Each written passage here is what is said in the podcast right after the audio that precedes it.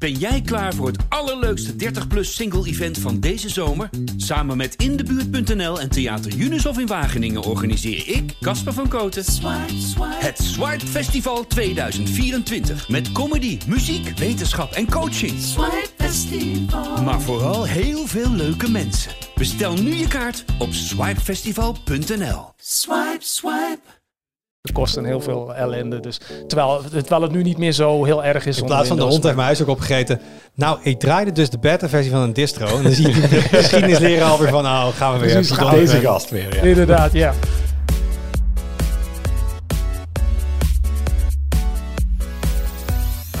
Hoi, leuk dat je luistert. Welkom bij een nieuwe aflevering van de Tweakers Podcast. Mijn naam is Wout en vandaag zit ik aan de tafel met Daan van Monchou, Hallo. met Donne van Kersenberg Hey. en met Thijs Hofmans. Hey, hallo. Zouden mensen weten wat jullie gemeen hebben? Nee, we zijn een erg eclectisch gezelschap Mm, volgens mij. En ik zeg. Thijs is een beetje met security. En Don is dat een beetje mobile en retro. En Daan is een beetje componenten.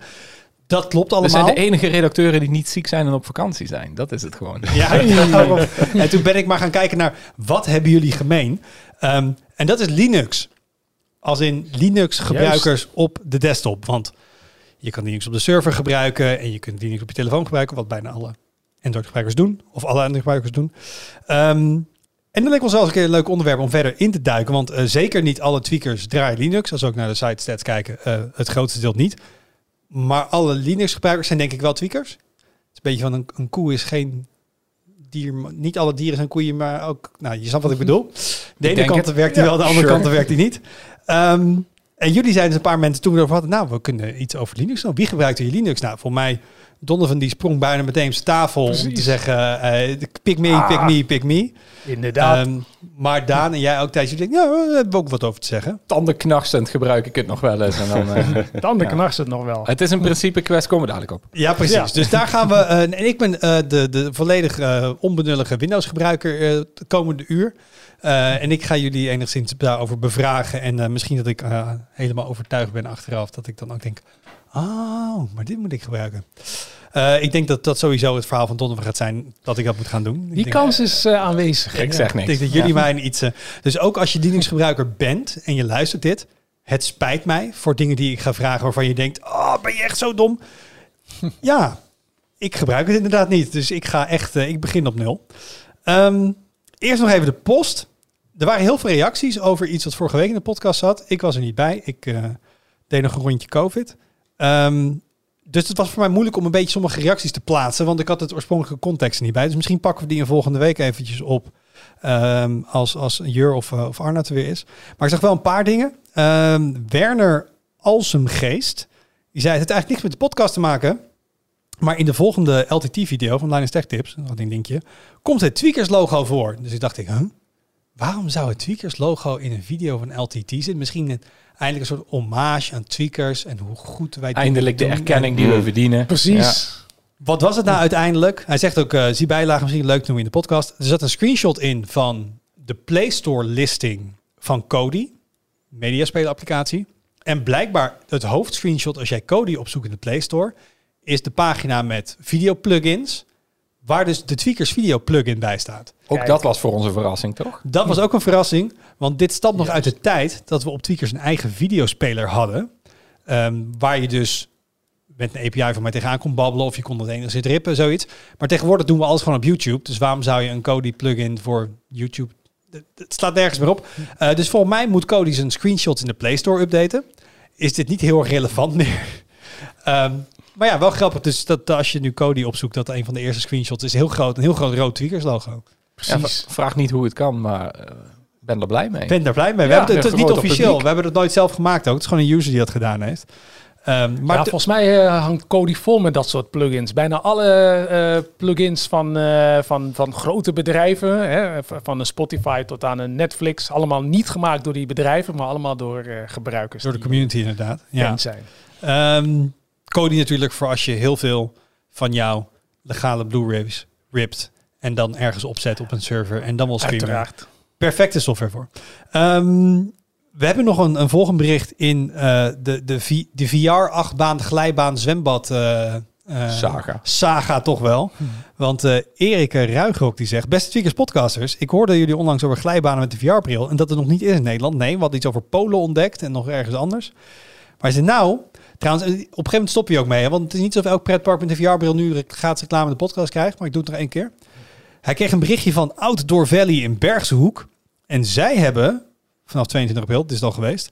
een Outdoor VR tubingbaan. Dat je in zo'n band gaat zitten... Maar kom op, ga je in een band zitten, die kan dus ook ronddraaien. En met VR, Dat klinkt je op zichzelf geen- al cool genoeg. Ja. Daar heb je toch geen VR voor nodig? nou, dat klinkt ook onmisselijkmakend genoeg trouwens. Als je Ook dan al. rondjes aan het draaien bent, dan zit je in een soort van wereld met ijsberen of zo, zag ik. Ehm, dus eh, misschien kun je het meenemen in de podcast. Ja, bij deze. Misschien kun je het een keer testen. Ik niet in ieder geval. Eh, maar Maar misschien ik wil het wel proberen. Nou, Dat dan moet jij wel naar de Outdoor Valley in Bergshoek en dan mag je verslag uitbrengen van hoe het is om in een eh, band rond te draaien met een VR-bril eh. Precies. Op je hoofd. Waar Bergsenbroek precies ligt, ik weet het niet. Ook dat? Sorry voor de mensen die er wonen. Bergsenhoek, niet Bergsenbroek. Ondertussen doet Thijs wel een live fact check. En de leukste post, want we hadden bedacht dat we het over Linux gingen hebben. En toen dacht ik, oh ja, ik ga voorbereiden en dan hou ik even de post erbij. En toen zei eh, LGH Jutma, die zei, hopelijk geeft in de podcast ook eens over Linux gebruik hebben. Er zijn verschillende mensen op de die gebruik maken van Linux als een primaire systeem. Dus ik ben wel benieuwd of in ieder geval twee van die mensen bijvoorbeeld een soortgelijke motivatie hadden rond deze keus. En ze ook hetzelfde eruit halen. Dat las ik dus echt nadat we besloten hadden deze podcast over Linux te maken. Dus eh voor mij noemt ze het in het Engels heel mooi serendipity. Ja, Eh, dus bij deze, meneer eh, Jude Ma, ehm, Great Minds Think Alike, zal ik het dan maar ophouden. precies. Laten we dan gewoon wel even beginnen voordat we helemaal overgaan naar Linux met de highlights. En ik begin het eigenlijk de eerste, die van Thijs en die van Daan lijken een beetje op elkaar. Want het gaat over dingen die ontploffen. Mooi. Maar bij Daan gaat het over ontploffende processors. Ja, klopt. Ehm, afgelopen week een beetje verschenen er berichten op sociale media van eh, gebruikers met een Ryzen 7000 processor. Dat hun processor opeens stopte met werken. En bij het demonteren kwamen ze erachter dat eh, hun processor eigenlijk was ontploft. Eh, je zag op de sok. Ja, ja. heel, Je zou heel toch denken dat je dat wel, wel eerder merkt dan wanneer die er gewoon mee ophoudt. Ja, Dat als je een kleine on- ontploffing in je desktop hebt, dat je dat wel Ik heb het zelf niet meegemaakt, ik weet niet precies hoe het liep. Maar in ieder geval, hun processor ging kapot. En eh, ze waren ontploft. Dus we haalden het uit elkaar en dan zie je op de socket zie je een brandplekje zitten en op de processor zelf een soort bobbeltje. Dus echt gewoon alsof er te veel spanning doorheen is gegaan. Dat is dus precies wat er ook gebeurt. Ehm, ik weet nog niet precies wat er is gebeurd, maar er zijn een paar verklaringen voor. En Eerst eventjes bij voornamelijk welke processors dit gebeurt. Want dat is natuurlijk niet bij bij alle 7000. eh, Alleen de AMD. 7000 Nou- heeft ook iets te maken met de mo- moederborden volgens mij? Of in nou principe, nou, het is een beetje officieel. AMD heeft er vandaag, als je, dit wordt opgenomen op woensdag, op gereageerd. Die heeft het alleen over Ryzen 7000 X3D processors met die eh, extra, Is het 3D ver- cache die, eh, die extra knalt. 3D cache erop. Ja, die zijn heel spanningsgevoelig, dus die mag je eigenlijk niet overvolten. Maar met een soort van omweg kan dat wel. Daar kom ik zo even op terug. Maar er gaan ook berichten rond dat het op gewone Ryzen 7000 processors gebeurt. En dan ongeacht het moederbord. Dat is gewoon Hmm.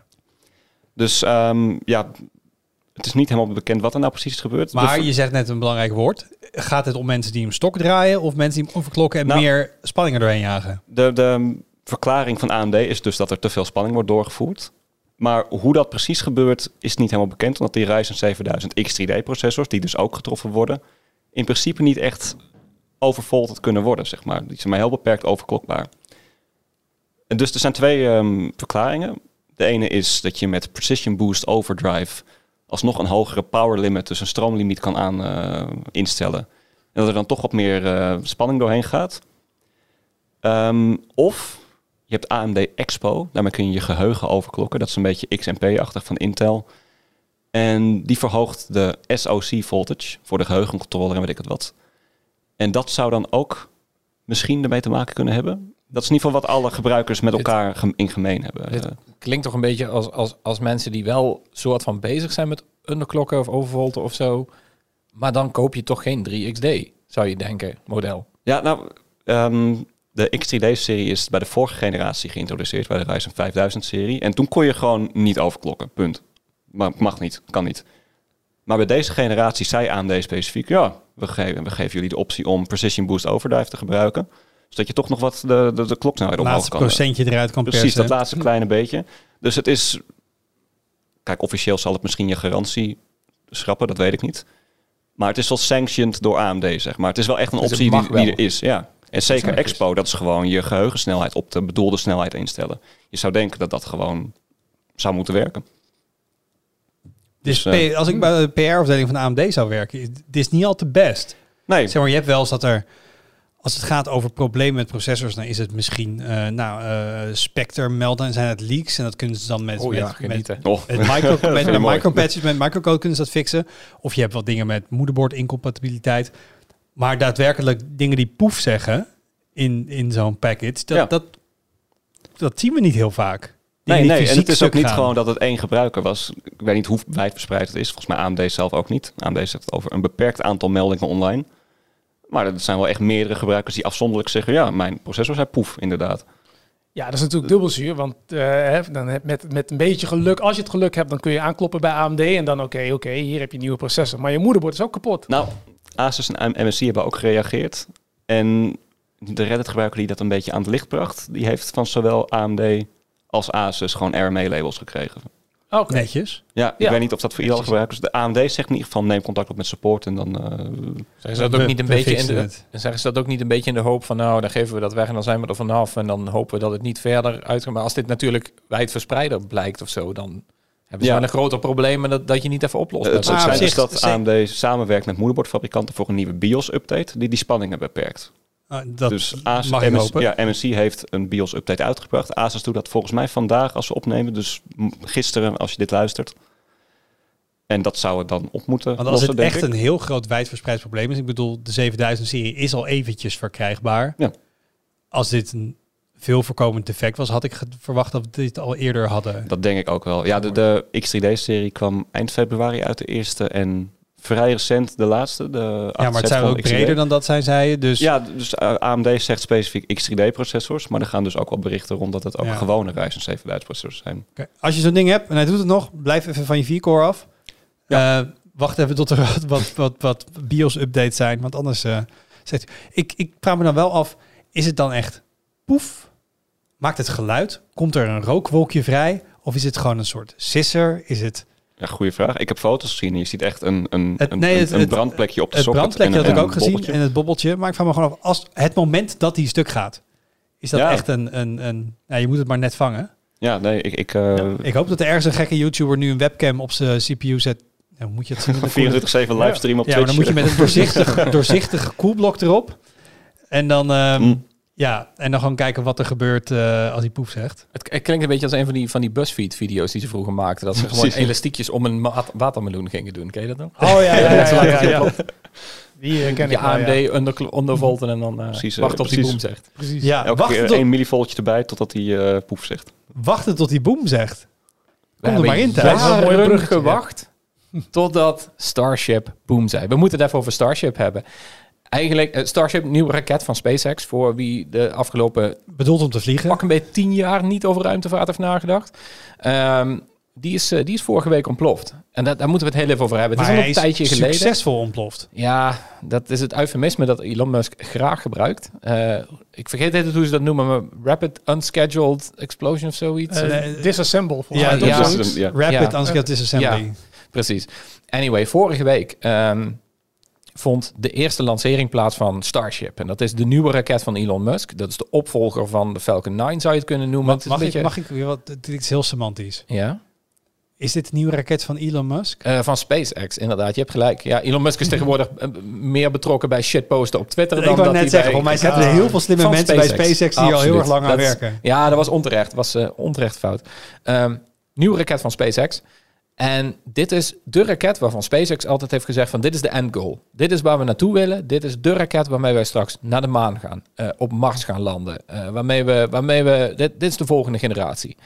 De Falcon 9 die ze nu hebben, dat is die herbruikbare raket al. Dat is nog steeds een vrij recht toe recht aan raket. Dat is, dat is altijd heel goed geweest en dat heeft ook heel veel revolutie veroorzaakt. Maar die Starship, dat zou het echt moeten worden. Dat ding bestaat uit twee onderdelen. Groter dan Saturn V. Hij was Die ons naar de maan heeft 136 meter uit mijn hoofd. Dat is inderdaad groter dan de Saturn V. Die was 110 meter of 111.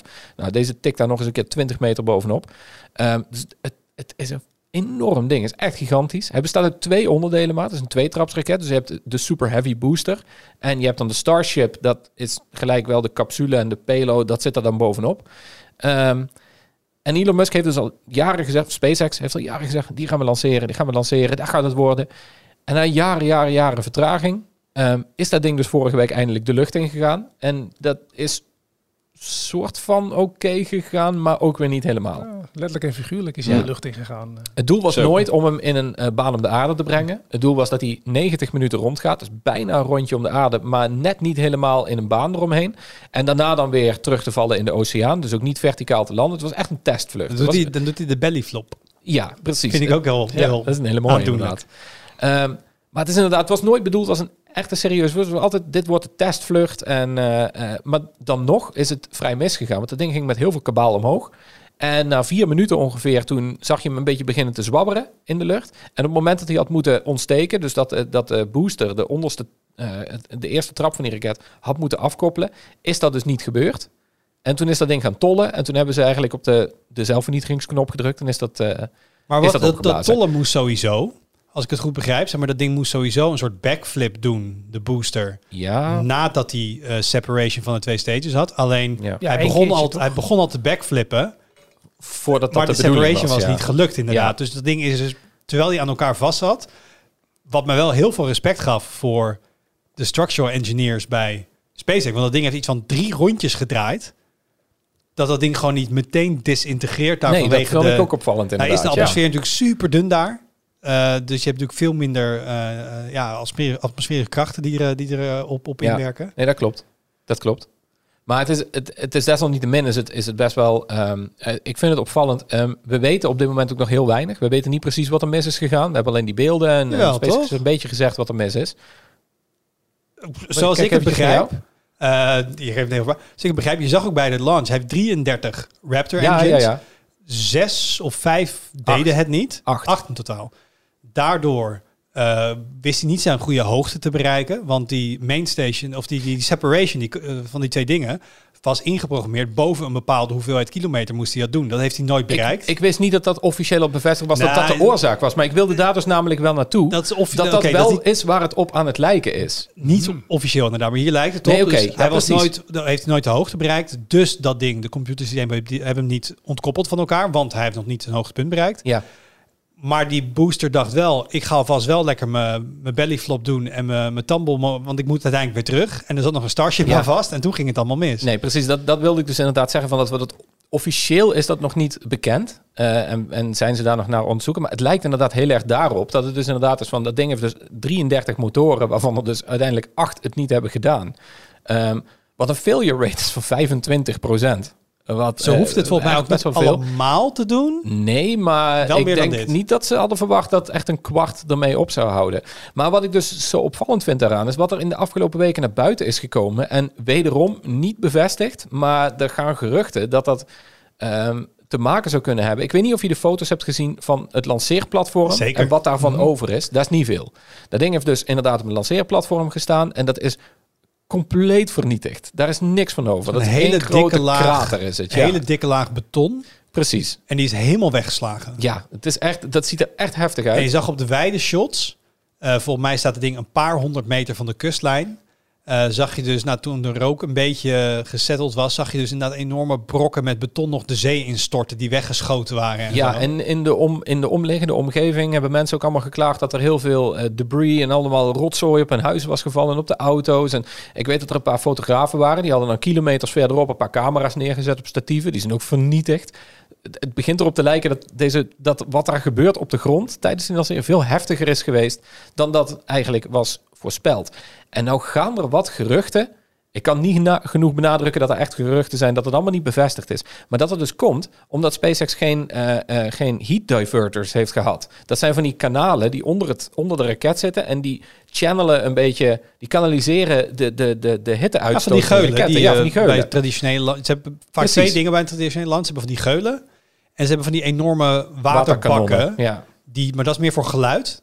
Water om het op te vangen. En die geulen is meer voor druk wegvoeren en, en vlammen wegvoeren. Ja, precies ja. Nou, die, heeft, dat, die zijn er dus bij Starship niet geweest. En er- er wordt wat gespeculeerd dat dat direct door Elon Musk zelf is opgegeven. Nou, dat hebben we niet nodig en dat zal allemaal wel. Maar daardoor lijkt het er een beetje op dat die, dat die kracht van die raket, dat die dus nergens heen is gekunnen. Dat er daardoor heel veel van, van de rotzooi van dat lanceerplatform naar boven is gegaan tijdens de lancering. Dat het op is gespoten. Dat dat een paar van die motoren heeft geraakt. en dat die dus er daarmee ophielden. beton is kapot geslagen, werd omhoog geschoten. Daar begint dat wel stevig op te lijken dat dat het ding is. En als dat zo is, dan heb je wel echt een probleem. De, de, Nou ja, dat is redelijk goed eh, te fixen, toch? Eh, nou ja, wat er van dat platform over is, dat gaat sowieso. Nee, maar dan moet je ja, zeggen, dan moet je inderdaad van die geulen hebben. En dan misschien voor, de, voor het geluid nog een beetje, een beetje water. Dan ga je het traditioneel doen. Maar het was denk ik erger geweest als die motoren zomaar uit zichzelf niet ontsteken. Als je heel duidelijk weet, Ja, er kwam een stuk beton tegen de motor aan. En toen zei die stoek. Ja, Ja. dat is wel, dan weet je wel welke richting je moet gaan kijken voor de oplossing. Ja, dat klopt inderdaad wel, ja. ja. De, de FAA, de Federal Aviation Association in Amerika, de luchtvaart eh, toezichthouder, die heeft dus ook eh, nu de, de vluchten aan de grond gehouden van, eh, van Starship voor in de toekomst. Dat is redelijk standaard, standard practice, dus dat gebeurt eigenlijk altijd. Maar het wordt wel echt heel erg de vraag wat er van dat onderzoek, eh, wat daaruit gaat komen, wat, wat zij zeggen dat er is gebeurd. Want SpaceX zelf die zal allemaal wel zeggen van ah, dat is allemaal oké, we gaan dit doen, we gaan dat doen. Maar wat de officiële toezichthouder nu gaat zeggen, daar ben ik wel echt heel benieuwd naar. Ja. Dus ik vraag me af wanneer Starship weer, wanneer SpaceX weer een nieuwe poging gaat doen voor Nou, Starship. mij zegt Musk wel later dit jaar. Ja, maar hij hij, zei ook hij zei al een paar jaar geleden, zei hij al later dit jaar het Nee, maar hij zei over Dus- die, die, die diverter, zei hij ook van, ja, was misschien toch niet zo'n goed idee. Misschien Ja. moeten we die dingen wel eventjes eh, daar Ja. ingraven. Maar voor mij was ook het idee dat gewoon een betonnen launchpad met zo'n verhoging kun je vrijwel overal neerzetten. En als je echt die geulen moet graven, er komt heel veel infrastructuur bij kijken. En, en het hele idee was, ja, dat ding moet je eigenlijk vanaf, vanaf overal moet deze kunnen opstijgen. Ja. Ehm, en als we het over geruchten hebben, geruchten, niet, niet totaal niet bevestigd, dat misschien ook het idee was, dit was al een oudere configuratie van Starship en Super Heavy. Dit stond al een tijd op het platform, zeg maar. Dit is dan wat dit was SN7 Ja. met booster nog. Daar waren alweer andere dingen aan verouderd. Dus ze hebben al nieuwe klaarstaan om te testen. Eigenlijk dat ze ook zoiets hadden van... Ja, we kunnen helemaal die maakt ook niet uit gaan als hij stuk graven. gaat. Ja, laten we gewoon maar kijken. We moeten gewoon, weet je, eh, test often, fail often. Ehm, Move, dat- fast, move fast and break, break things. things, ja, maar dan ja. vrij letterlijk. Ja. En dat ze dan... They moved really fast. Want dat, dat, is wel hard. zo, ja. En they broke things. ja. Eh, maar ik zat, ik zat er wel weer eh, voor klaar. Ik bedoel, dit was wel weer zo'n Zo. moment dat ik dacht, de, de, de countdown was er even stilgezet. Ik was, ah shit. Ik heb het later moeten terugkijken, maar het was wel echt heel spectaculair inderdaad. Ja, we zaten echt, op de hele redactie met iedereen op kantoor. Zaten we ook klaar, behalve Thijs, want die had een meeting. Dus die heeft hem teruggekeken, helaas. Ja, ja, ja, ja. En dat was inderdaad was, was echt een groot spektakel. Iedereen zat klaar. En toen, eh, toen die lucht in ging, iedereen juichen. Toen werd het even stil. Toen Ja, ja, begon vooral- te en tollen, toen- en toen en toen- ontplofte iedereen. Oh, en toen ook. Ja. Nou, vooral, ik wist dan, ik wist van, eh, van tevoren dat die booster een backflip zou moeten doen. Maar ik dacht, toen hij dat ging doen, maar dat is toch na stage separation? Ziet volgens mij, zo snel en zo. Het, volgens mij ziet, vrij voor mij ziet er... Wacht, en doet nu een tweede backflip. Waar is dat nou? En Ja, een goed. derde. Ehm, en toen gingen de, de mensen die de commentaar op de stream deden, werden ook wat stiller. Ik denk, ja, Ja. nee, dit is volgens mij niet... eh, en, dan, en dan is het wachten op de boom. Ja. En die is nou ook spectaculair. Die deed het wel. Zag er spectaculair uit, dat sowieso. Dus hopelijk Zeker, later dit jaar met een nieuwere versie van de, de booster eh, en de Starship en een, Laten we een het want, launchpad. eh, eh, ondanks wat, wat, wat je van SpaceX kan zeggen, dat doen ze wel echt heel tof. En het is echt een toffe ontwikkeling. Dus eh, ik ben heel benieuwd. We moeten toch uiteindelijk naar Mars toe. Donnie, Precies. Ja, wat is jouw highlight? Ja, mijn highlight, het gaat weer eens over eh, oude, oude zooi. oude consoles, ja. Ik, heb, eh, ik ben eh, nu eindelijk eh, begonnen met het eh, bestellen van eh, optische drive-emulatoren. En nou vraag je waarschijnlijk af, wat is een optische drive-emulator? Nee, Nou, dat zijn ik- G- GDE, MU, ODODE, Fenrir, GC, Loader en WODE. Dus dat eh, staat hier Mag, mag, zo mag, uit. ik een gok, mag ik een gok doen? Dat mag. Jij hebt dus de game data op een niet-optisch medium staan, oftewel Mhm. een harde schijf of flash drive. Ja.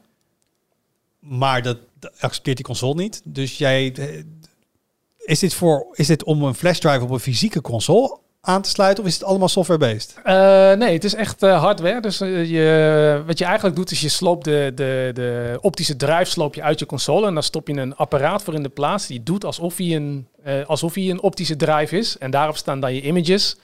En dan laat je die gewoon in en, en je console denkt gewoon dat je de game dus start vanaf het officiële medium. Terwijl het dus eigenlijk gewoon wordt ingeladen vanaf bijvoorbeeld een SD-kaart. Maar moet je dan per console een, een hele... Hebben ze allemaal proprietary connectors daarvoor of is dat een soort standaard? Eh, dat is allemaal proprietary. Dat is allemaal eh, gedoe.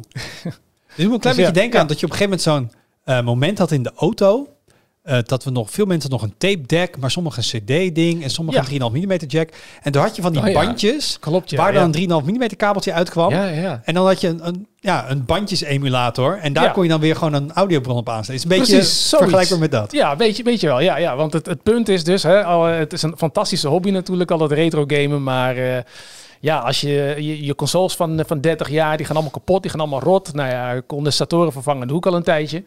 Alleen eh, nu eh, beginnen dus die, die drives ermee te stoppen, die optische drives. En eh, ik heb bijvoorbeeld voor de PlayStation 2 heb ik al, heb ik, heb ik bijvoorbeeld al een keer de laser vervangen. En die is dus nu weer kapot.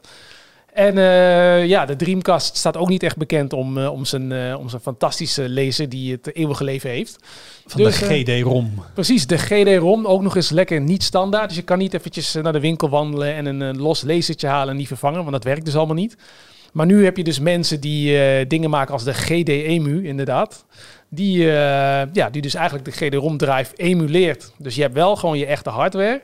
Alleen dan steek je dus eh, op de plek waar je, waar je optische drive zet, steek je dus gewoon een SD-kaartje Maar erin. moet dan ook rekening gehouden worden met de beperkingen van zo'n ding? Want ik weet vroeger met consoles werd echt op de, op de millimeter geprogrammeerd. En, en overal werd gebruik van gemaakt tot tot in assembly aan toe.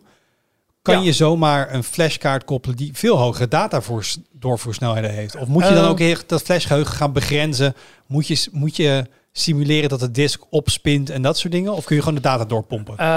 En p- tot nu toe, van wat ik heb begrepen, kun je gewoon de data doorpompen. En dat zorgt er inderdaad voor dat je bij, eh, bij veel games inderdaad eh, veel kortere laadtijden tijden hebt. Dus dat scheelt. En een andere leuke bijkomstigheid voor de Dreamcast is in elk geval dat... eh, jaren later was er, eh, heeft, heeft Sammy Entertainment een eh, arcadekast gebouwd op basis van een Dreamcast. Maar dat, die werkte met, met, met solid state eh, geheugen. En daar zijn natuurlijk games voor gemaakt. En die zijn praktisch compatible met de Dreamcast, maar toch ook niet.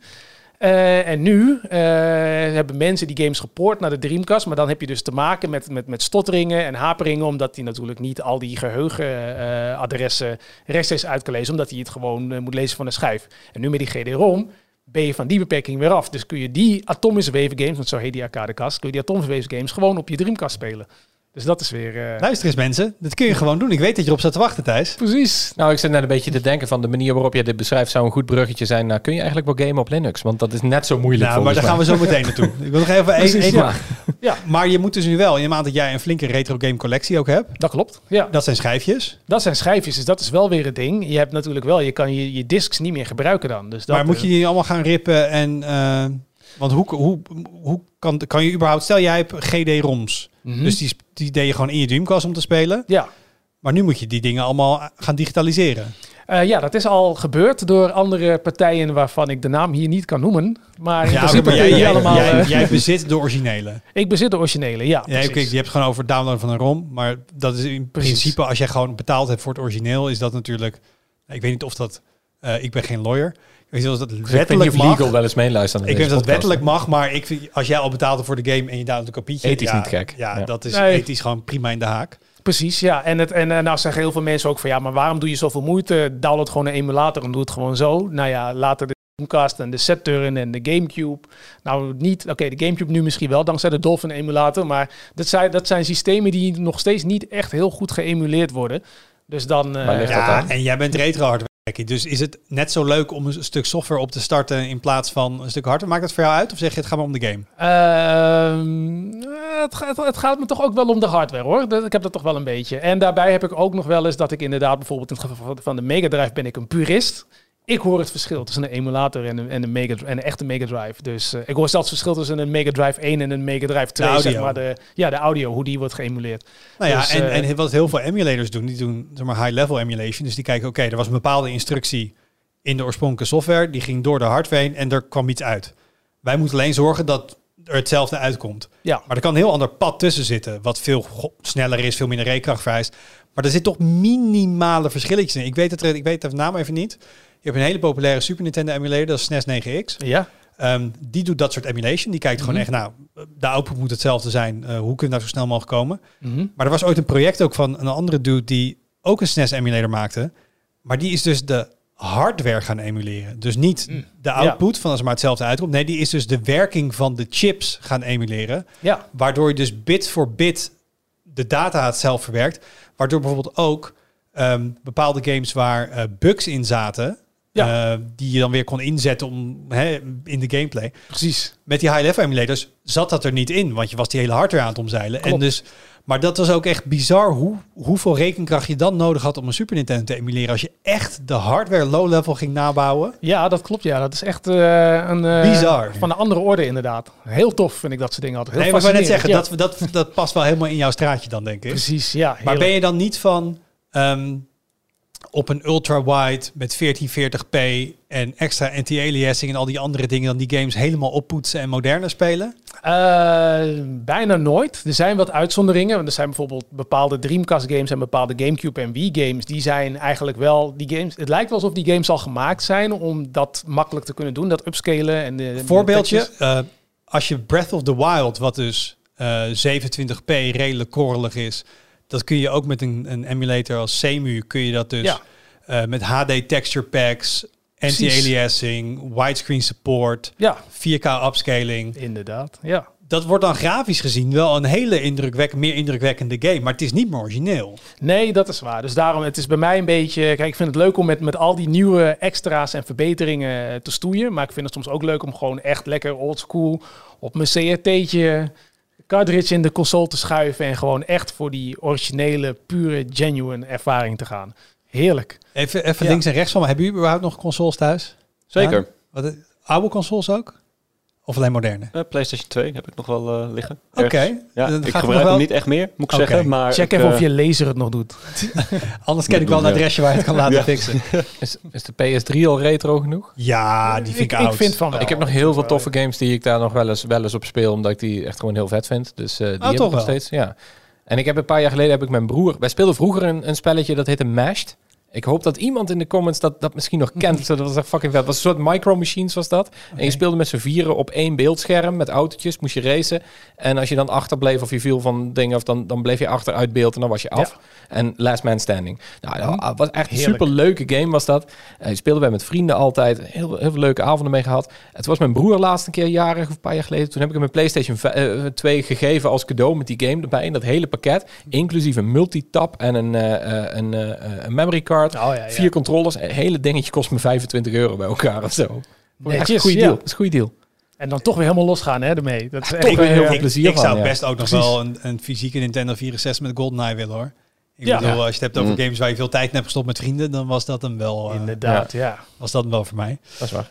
Ehm, ik ben een letterlijke cordcutter Ja. sinds gisteren. Ik heb gisteren een, een, een, een eh, schaar in mijn coaxkabel gezet.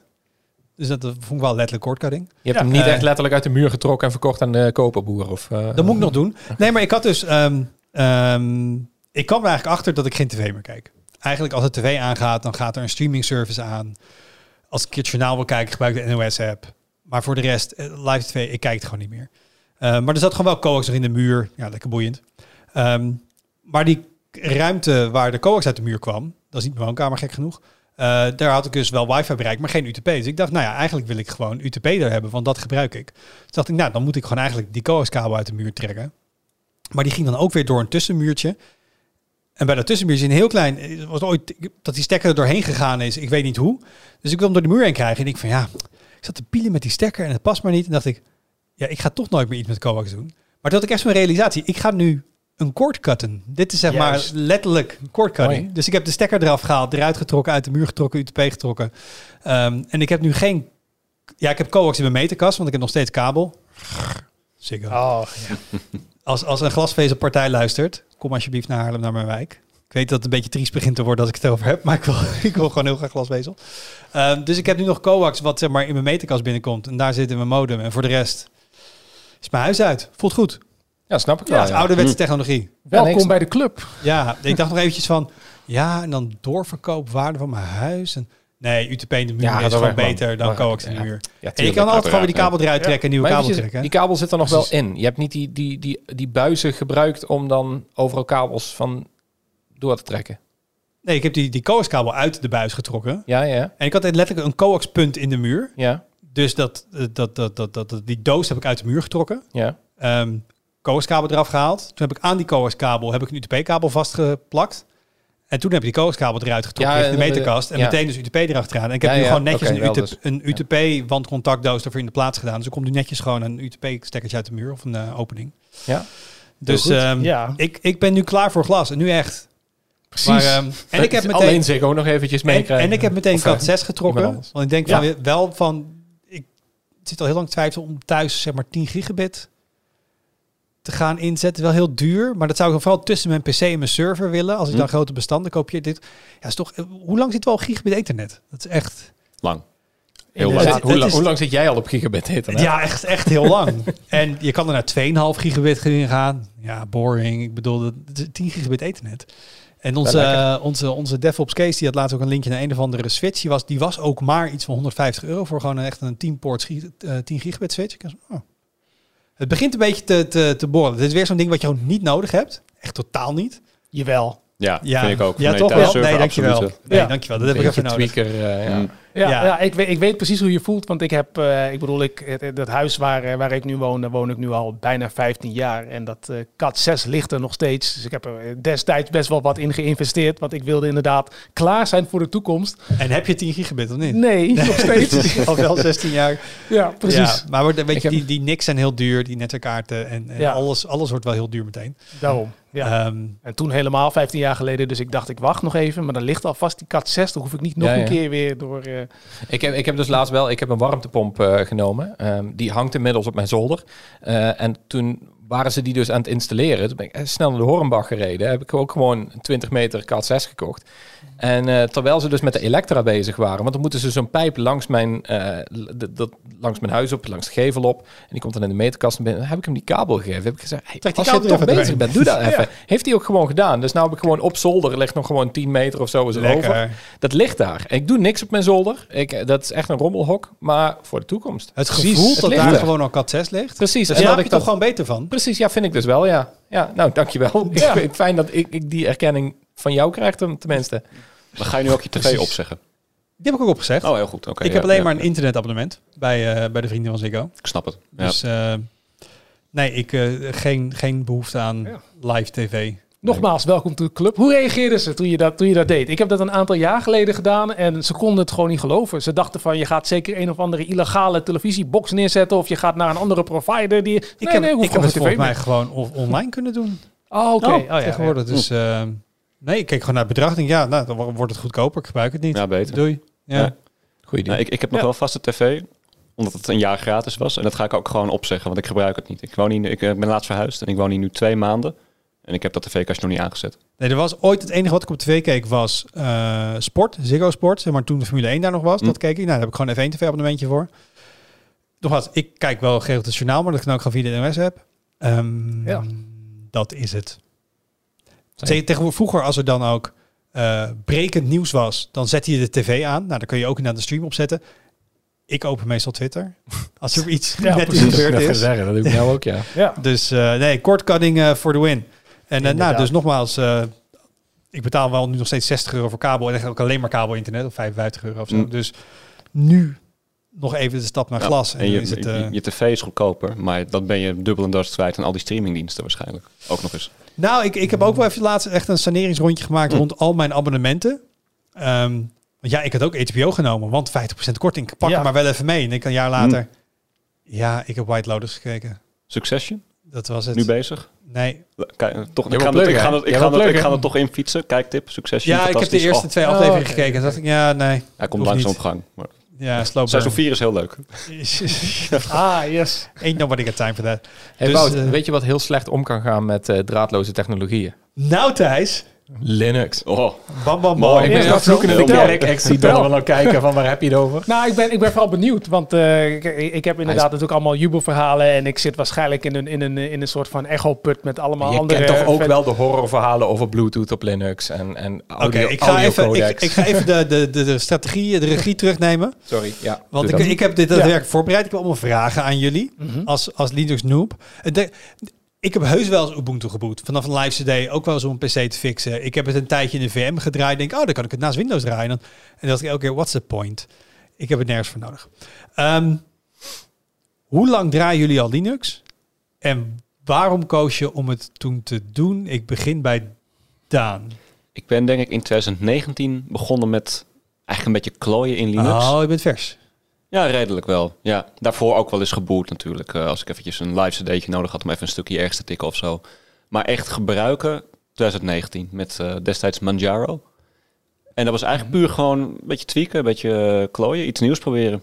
Was het niet echt een directe aanleiding, behalve is leuk. Ja, eigenlijk wel. Ja, letterlijk dat. Ik vond het gewoon leuk.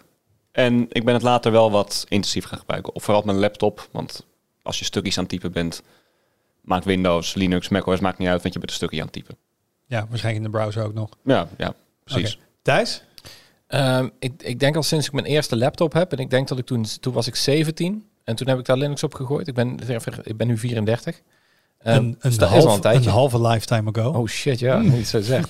Ehm, ik denk dat ik het toen heb gedaan. Toen gooide ik, eh, en ik ben begonnen met Ubuntu. En ik heb in de afgelopen jaren heel veel verschillende dingen geprobeerd. Ik heb Mint geprobeerd, ik heb Fedora geprobeerd. Ik heb eh, de Pop OS heb ik wel eens geprobeerd. Sinds dat, toen dat een paar jaar geleden uitkwam. Ehm, ik kom altijd terug op Ubuntu, omdat het wel gewoon het makkelijkste is. Weet je, als vroeger met, met, dat deed ik dan wel met Android-ROMs. Nou, even een andere ROM proberen. Oh, er is weer een nieuwe ROM uit. Ik ga even een Ja, flesje toch even ja, Ja, ja, nou ja. ja, dat deed ik dus inderdaad ook met Linux. En heel vaak had ik namelijk ook het probleem van, ik, ik ging er dan heel veel aan klooien en dan ging het kapot. En ik, in plaats van het te fixen, vond ik het altijd makkelijker om er gewoon een nieuwe op te gooien. Leer je ook zo lekker veel van.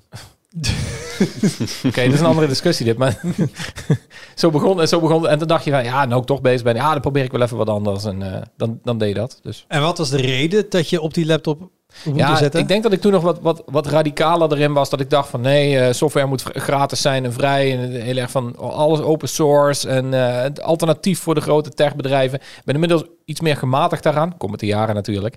Ehm, dus boeit me dat niet meer zoveel. En nu is het gewoon een gewoonte dingetje, denk ik. Al vind ik dat nog wel steeds een belangrijke. Dat ik gewoon eh, ja, dat ik op, een, op een vrij systeem zit eigenlijk. Donnie? Nou, komt-ie. 1998 ben ik begonnen met, eh, met, met Linux. En bij mij was het de reden die ik ook vaak op de fora hoorde in de Flame Wars, ook op tweakers. Windows.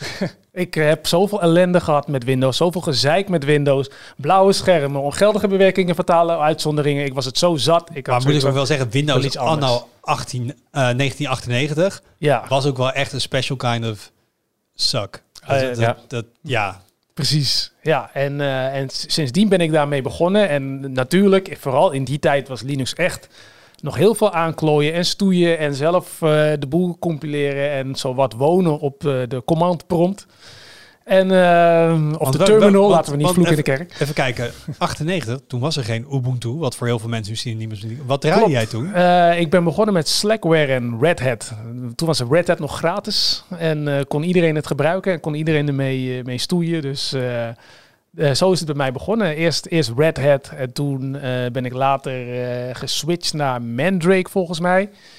En dat werd later Mandriva. En tussendoor heb ik ook nog ehm, eh, Caldera gebruikt. Caldera Open Linux en Max OS met een X, niet met een C. En eh, Waarom, welke waarom- di- in welke disco zit je nu? Ubuntu.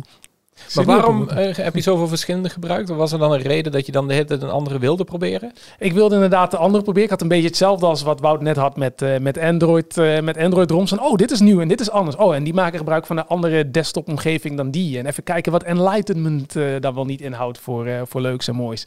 En, en op een gegeven moment had ik ook gewoon zo van... Ik wil dat gewoon zoveel mogelijk software werkt. Want op een gegeven moment kwam ik op een punt van... Oké, al dat stoeien is leuk. Maar uiteindelijk wil ik wel gewoon dingen doen met mijn computer. En dan wil ik gewoon een systeem die zoveel mogelijk kan. En waarmee ik gewoon kan werken. En die blijft Windows. werken. En niet, en, en niet vastloopt. En niet crasht. En niet Dat is wel waarom ik inderdaad eh, tegenwoordig nog op Ubuntu zit. Omdat ik gewoon weet van de software die ik daarvoor gebruik. Ik gebruik niet heel veel software, maar wat ik gebruik, dat draait wel gewoon fatsoenlijk. En daar heb ik geen gedonder mee. Maar Dat ik vind even kijken, ik vind het een klein beetje teleurstellend. Want ik hoor dan eh, Linux en het is een soort van vrijheid en je hebt zoveel distro, zoveel keus. En dan draaien jullie allemaal Ubuntu. Ja, Ja. dat, eh, dat Ja. klopt. Ja, dat is, iedereen die ik ken die sorry, Linux draait, nou, iedereen die ik Ja. ken Linux draait, Ubuntu. Voor mij, voor, voor, en er gaan heel veel mensen luisteren en zeggen dit is niet waar, maar in mijn bubbel, alle mensen die Linux draaien die ik ken, draaien Ubuntu. Dus, Ja. dus eh, is dat, was dat in jouw tijd ook al zo dat er eigenlijk eentje helemaal bovenuit stak? Want nu heb je dat gewoon, net zoals dat tablet is iPad, is Linux Ubuntu, zeg maar, voor veel mensen. Dat of Mint inderdaad, Ja, ja. Mint Ja, inderdaad. En daar heb ik zelf ook naar. eh, Maar inderdaad, vroeger eh, was het inderdaad al Red Hat wat de klok sloeg. Totdat Red Hat zei, zoiets had van Red Hat wordt betaald. En toen kwam CentOS en eh, Fedora. Ik- en toen, eh, en toen Ja. ging dat al een beetje zo. Maar voordat dat echt gebeurde, hadden mensen, ging, ging iedereen al inderdaad een beetje verspreiden naar... Ik weet niet wat, maar uiteindelijk we- werd het toen Mandrake of zo, wat toen de populairste werd. Toen kwam Coral ook nog eventjes om de hoek met maar een... is dit voor, als, voor jullie als Linux uh, Oh, wat heerlijk. Ik kan gewoon elke keer jullie Ja, als een soort wijzen en een andere groep en zo. Lekker, jij zei dit. Precies. Ehm, is het zo dat, dat vanuit die gedachte dat eh, software moet vrij zijn en keuze en dat soort dingen, is het dan wel goed dat het allemaal consolideert rondom Ubuntu? Is dat niet een slechte specifiek, specifiek bij Ubuntu, niet met de veranderingen naar Snap natuurlijk. Die Nee. Dat, dat, dat is, dat is wel, heel proprietary. Dus ja, er zitten wat, wat, er zitten wat voor's en tegens aan. Ja. Kijk, als jij, als jij echt hardcore daarin bent en echt de Richard Stallman plus bent, ja, Wie dan is Richard Stallman? Ja, de, de- de- de- Leg een, dat open, een, open source fan, laat Oké, ik zo zeggen. oké. Iemand die heel erg opkomt voor open source eh, software. En, eh, Heel erg, heel, heel, heel, vrij radicaal daarin is. Ja. Als jij dat bent, dan ja, dan ga je lekker voor Arch Linux en dan krijg je gewoon de bare minimum en dan kun je precies mee doen wat je wil. Ehm, maar dat maakt het gewoon heel moeilijk. En eh, ik denk dat een besturingssysteem, we hebben het hier een paar een tijd geleden ook al eens over gehad, Wout, dat een besturingssysteem moet ook een beetje gewoon werken. Je hebt, we, we worden allemaal ook een beetje te oud, denk ik, om te veel bezig te zijn met iets, iets zo belangrijks als je besturingssysteem. Dat moet gewoon werken. En Ubuntu is daarin, denk ik, ehm, een perfecte afweging daarin. Dus een perfecte balans tussen je hebt net genoeg vrijheid versus de stabiliteit die je ervan van hoopt. Ja, En Ja. je kunt, dat is het, het ding bij Linux een beetje, dat vind ik ook, ook een beetje het frustrerende en waarom ik denk dat Linux nooit echt gaat doorbreken. Want ja, 2023 wordt trouwens het jaar van Linux op de desktop. Daar Oh, ben ik ja, van ja, overtuigd. ja. ja, precies.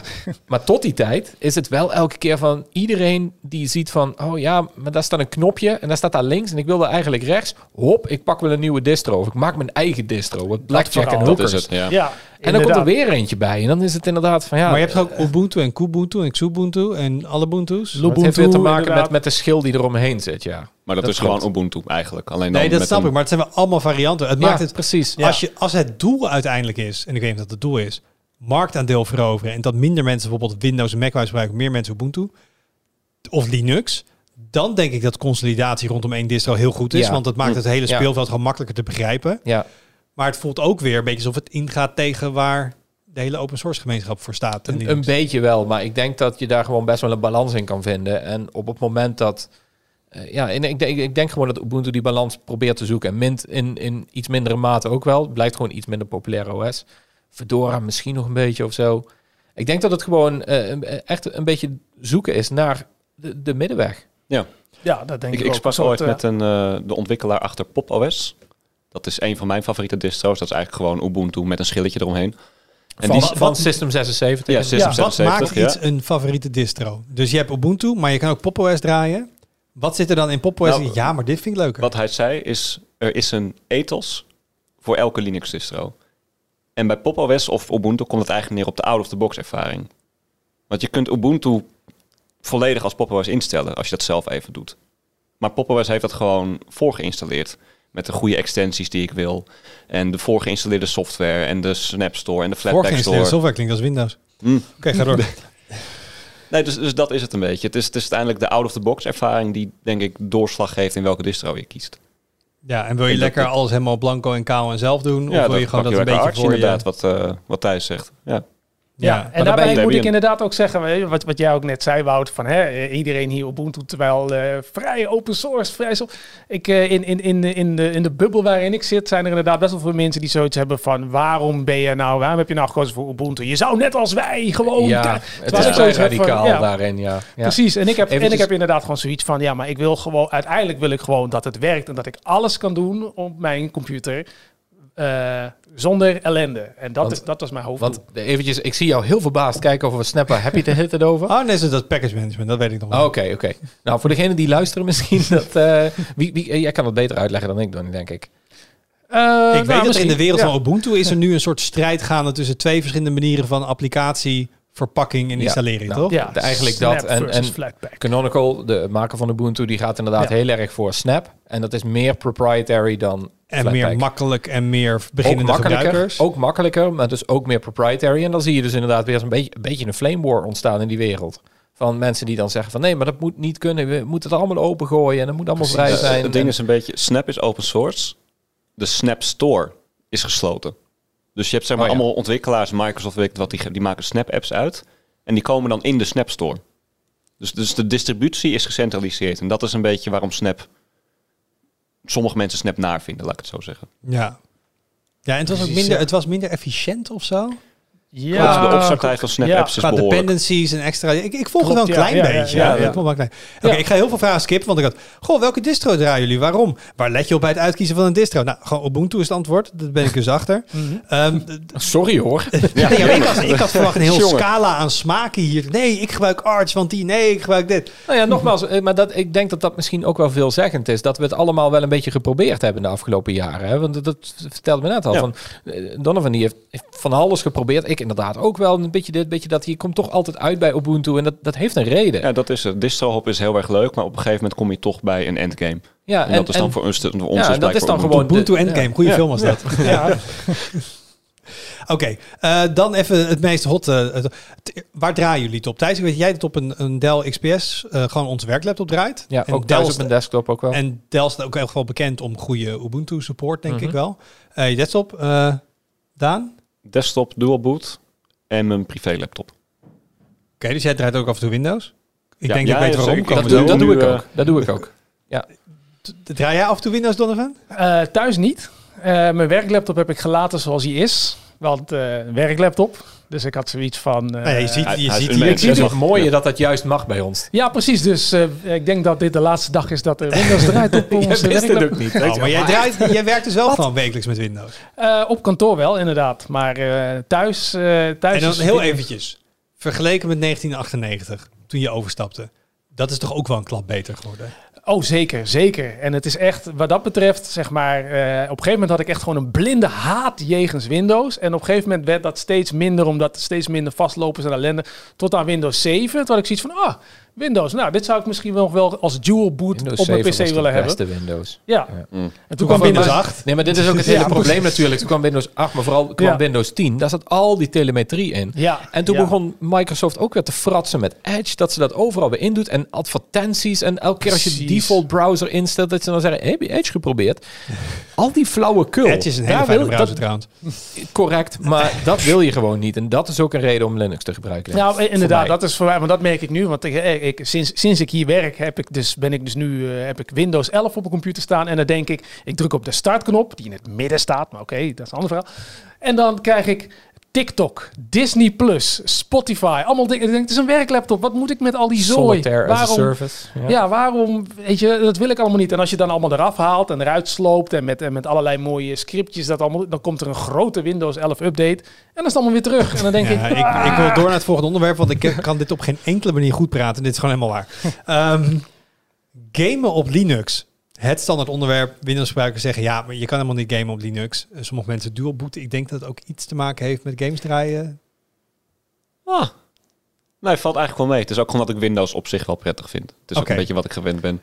Maar Ja, ik, jij Nou ja, kan dan dual booten. Jij dual boot ook thuis. ja, maar ik game heel weinig op mijn PC. Dus dat... eh, ja. Tony, jij Juist. wel eens. ik game eh, regelmatig. Gamen op Linux. Gamen op Linux. Anno makkelijker 2023. geworden met Steam en zo, ja. Alle Dat- games ja. die ik speel, speel ik onder Linux.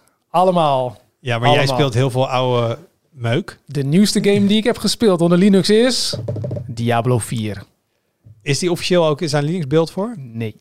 En dan gebruik je Proton. Eh, nou, Bottles in dit geval. Eh, want eh, Proton is, is echt een Steam-ding. Echt een Valve-ding. Maar je hebt natuurlijk ook... EA heeft natuurlijk zijn Origins. En Ubisoft heeft zijn eigen store. En Epic heeft zijn eigen store. Nou, en dat is allemaal... Kun je wel werkend krijgen met Proton. Maar dat is allemaal gedoe. En Bottles is zeg maar... ja, daar, hoeft, daar is dat zeg maar al voor je gedaan. Hoeft dat dus allemaal Maar dat is een, een vertaallaag. Dus een game die maakt, is geschreven voor eh, OpenGL of Vulkan of DirectX. Of in ieder geval die denkt ik draai Windows. Ja, En je kan gewoon de, wi- de Windows binaries pakken. Gewoon echte Windows files. En daar Ja. binnen op Linux draaien. ja, precies. Eigenlijk net zoals Proton eigenlijk. En onder de, onder, de, onder de motorkap is het eigenlijk ook gewoon allemaal wine. Met allemaal mooie extra's en scripts en, en speciale dingen. Dus allemaal is het wine. Zowel Proton als Bottles als Pleon Linux en, eh, en, en Lutris. Maar, Maar, je- eh, er moeten allemaal calls omgezet worden. Dat ding Ja. denk dat nu op Windows zit. klopt. Wat kost je dat? Eh, nou, soms kost je dat inderdaad eh, eh, precious CPU cycles en, en een aantal frames die je moet inleveren. En soms kost dat je dat, maar dan in negatieve vorm. Wat betekent dat je dus meer frames per seconde haalt. En dat de game zelfs beter draait omdat je minder Windows Hm. overhead hebt. Dus het is uh, your en mileage kost, may je- en het vary. kost je, dat gaat altijd perfect, dat omzet. Je hebt geen glitches, je hebt geen games die niet... wer- Werken Nou, alle games zo? nou ja, dat- en dat is dus inderdaad wel het ding. Want er zijn natuurlijk, hè, hè, er werd al even Call of Duty genoemd. Dat is natuurlijk een game die heeft een anti-cheat device. Die anti-cheat device die ziet natuurlijk, hé, hey, wacht eens even, deze Windows installatie ziet er wel heel raar uit. Waarschijnlijk heb jij allemaal cheat software op je computer staan, dus jij komt er niet in.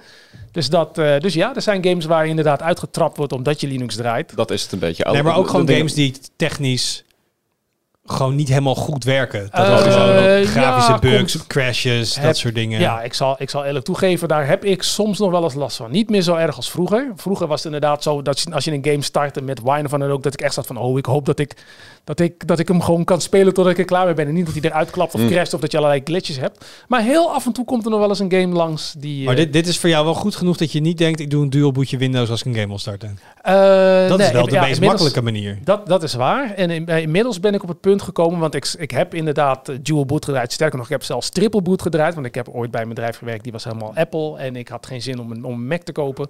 Dus, eh, maar dat is weer een heel ander verhaal. Ehm, maar in- inmiddels ben ik op het punt dat ik denk van nou, die ene game die ik nog in mijn library heb, of die twee games die, die dat niet doen, nou ja, dan maar niet. Of die haal ik dan wel op de PlayStation of zo, of iets in die richting. Maar eh, inmiddels kan ik wel stellen dat we op het punt zijn aangekomen dat...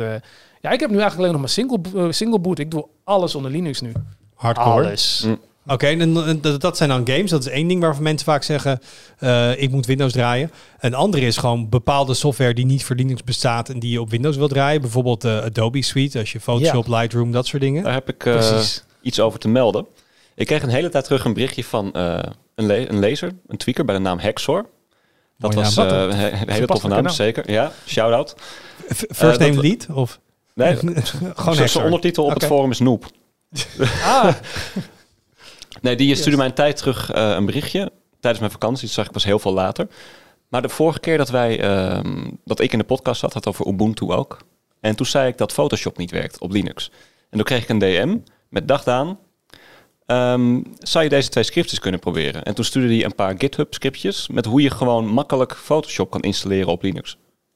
Maar wederom via Wine of iets anders. Of, want Oh, dat, er, dat zijn, zal, ja. er zijn alleen maar Windows binaries voor natuurlijk. dat ja, nee, via Wine, maar dat gaat dus wel ge- wordt geautomatiseerd via zo'n GitHub pakketje. Ik heb het zelf nog niet geprobeerd.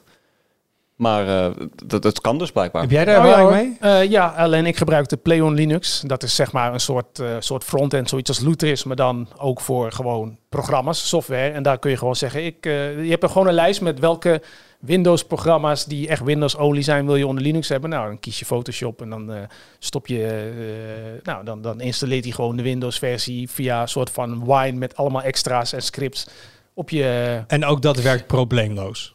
Eh, ja, het werkt, het werkt probleemloos. Ik moet inderdaad wel zeggen, want er was een vriendin van mij die ook zoiets had van, eh, ja, ik ben Windows allemaal zat. En eh, die had dat ook. Alleen het probleem wat zij had was dus omdat die, je hebt natuurlijk een Wine-omgeving met een virtuele Z-drive in plaats van je eigen home map. En dat was iets wat zij niet helemaal kon, kon rijmen. Dus dat was voor haar een probleem.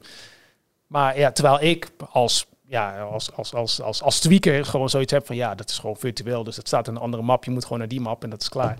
Dus ik kan me voorstellen dat voor een, een, een standaard huistuin- en keukengebruiker. Moet je soort nog steeds concepten één nog wat extra lastig, stap eh, doen. Ja. ja. Maar- het is maar- één extra stap. Ben je, ben je dan, of- en, en Daan trouwens ook, zijn jullie dan heel erg van het, van het nee, maar eh, je moet ook geen proprietary Photoshop gaan gebruiken van Adobe. Ja, ga maar allemaal op GIMP zitten of zo. Want dat, Dat is ook het antwoord. Je kan ook gewoon de GIMP gebruiken. Zeg, precies. En, Ja. maar dan gaan mijn ogen Mm. bloeden. Ja. Ja. Ja, nee, Photoshop is wel veel beter.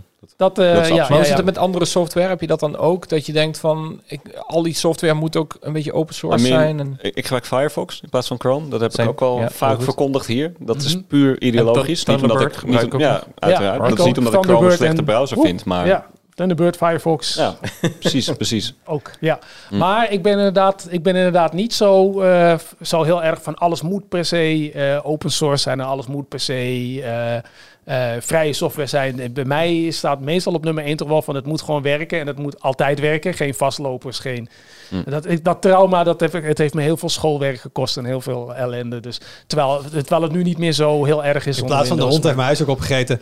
Nou, ik draaide dus de beta-versie van een distro. En dan zie je geschiedenisleraar weer van, nou, gaan we weer. Precies, deze gast weer, ja. Inderdaad, ja. Maar eh, nee, ik heb. eh, dus bij mij is het een beetje een mix. Ik probeer soms wel eh, te kijken. Dus ik heb inderdaad wel zoiets van: oké, ik kan Photoshop installeren. Ik heb het ook een tijd gedraaid op, op, mijn, op mijn Ubuntu. Maar ik heb wel zoiets van: eh, ik heb nog een tijdje gekeken naar GIMP Shop. Dus dat is eigenlijk gewoon de GIMP, maar dan helemaal verbouwd tot, eh, tot Photoshop. Dus dat is een soort van gulden middenweg. Eh, maar eh, ik heb ooit ook nog eens een tijdje gewerkt op een Chromebook. En daar heb je natuurlijk allerlei belangrijke grote applicaties in de cloud. En daar blijkt ook best wel aardig wat moois tussen te zitten. Dus ik ben nu eigenlijk geëindigd bij Photopea. En dat is eigenlijk gewoon Photoshop in je browser. En dat werkt fantastisch. Oh, ja. Ik moet vooral zeggen, want ik, ik was op zoek naar een... ehm, ik wilde ook wel eens weg, nou weg, even snuffelen buiten het Ado- Adobe-ecosysteem. Mhm. Dus ik ben voor video al geswitcht van eh, Premiere naar DaVinci Resolve. Ah, kijk Ehm, maar Lightroom, daar een goed alternatief voor vinden. die ik heb laatste- Dark Dark Table. Table. Nee, dat, dat, Nee? nee, nee, Raw therapy. nee. Ik heb ze allemaal gezien Oh, en ik heb allemaal dingen, eh, allemaal dingen geprobeerd. Maar de combinatie van en library management en goede editing en een beetje fijne UX, dat is er echt wel eentje dat ik denk, daar, daar ligt nog echt wel een gat. Maar ik ben helemaal niet blij met Lightroom. Ik vind het wel missen met Lightroom. Er is alleen, het is de minst slechte optie, vind ik, als je veel digitale fotografie doet. Maar dat zou je, die zou dus Lightroom ook moeten kunnen draaien tegenwoordig op... eh, Play on Linux zou ik, zou ik als eerst kijken. En anders Lutris en anders Bottles. Zie nu, nee, wil ik toch, weer- nu wil ik toch weer een heel weekend in een VM gaan doorbrengen. Om dit allemaal weer te gaan Ja. proberen en te toetsen. Om het daarna weer weg te gooien en bij Windows te blijven. Ik zal trouwens En even die is- volgorde omdraaien. Ik zou, als je dat gaat doen, zou ik beginnen met Bottles. Bottles is echt tot nu toe mijn, mijn, mijn, mijn beste ervaring met, met Windows software draaien en games draaien buiten Steam en Proton onder Linux. Dat is Doe echt, jij dit eh, dan ook allemaal tijd? Want jij stelt net de vraag aan Donovan. Of ben je dan wel iemand die zegt, nee, ik wil allemaal open source software? Nee, nee, nee. Ik, ik ben duidelijk van, we moeten best vaak photoshoppen voor werk natuurlijk. Daar heb ik eigenlijk vooral voor Photoshop dat ik een dual boot heb. Een paar andere Maar ik hoor net dat je gewoon Photoshop onder Linux kan installeren. Ja, nou ja, dan, kijk, en dit is het probleem wat jij net ook een beetje zei. Van, op het moment dat je eenmaal in die rabbit hole zit, je bent daar, je bent one of us, dan, dan ga je dat ook wel blijven doen. Dus dat ik inderdaad waarschijnlijk weer van dit weekend denk van, ah, Donovan zei dat, ah, toch eens Ja, maar proberen. stel je bent aan, een stuk aan het tekenen en denkt, oh, ik moet één fotootje bewerken. Dan moet je gaan dual, moet je rebooten. Dat is helemaal niet handig. Ik bedoel, het lijkt me dan wel fijn als je meteen gewoon Photoshop in je Linux distro kan draaien. Dat ja, snap dat ik ook nog wel. Nee, dat zitten absoluut voordelen aan, dat klopt. Dat, Dat ga is ik, inderdaad dan de ga ik dus ook wel weer proberen. En dan, dan ja, Ja, nee, dan dat ben ik daar weer een weekend mee bezig. Verpest ik mijn hele distro, moet ik hem helemaal opnieuw gaan installeren. dat is hoe het gaat. Circle of Ja. life is dit. Circle of Life, Eh. Jongens, zit u nog wel eens in, eh, in de terminal? Zeker. Eerlijk zeggen. regelmatig. Ja, Uiteraard. ik, ik, soms nog wel. Ja, want ik, ik, ik stoei onder andere heel veel met Stable Diffusion en zo. En dan moet je dus Omdat hele je, Python omdat je environment. het wil of omdat het moet? Omdat ik het wil. Nou, het is prettig. Ja, ik ook omdat wil, ja. En Ja. ik, ik zet heel veel via SSH doe ik heel veel. Dan eh zet ik Oké. heel veel op Ja, Raspberry ik heb het vooral met appjes installeren. Dan doe ik gewoon sudo eh, apt install, Ja, dat, Firefox, dat inderdaad vooral. Ja. Chromium. Dat is gewoon een heel lijstje. En dan installeer je het allemaal. En je jongens, het is niet in UX. 2023 en Windows heeft tegenwoordig Binget. Ja, dus is dat waar. eindelijk een, een soort package management-achtige ding waar heel veel dingen mis mee zijn. Maar dat kan nu eindelijk ook op, eh op Ja, maar als ik op Windows. Windows ga, dan doe ik dan weer gewoon eh, naar de. .x.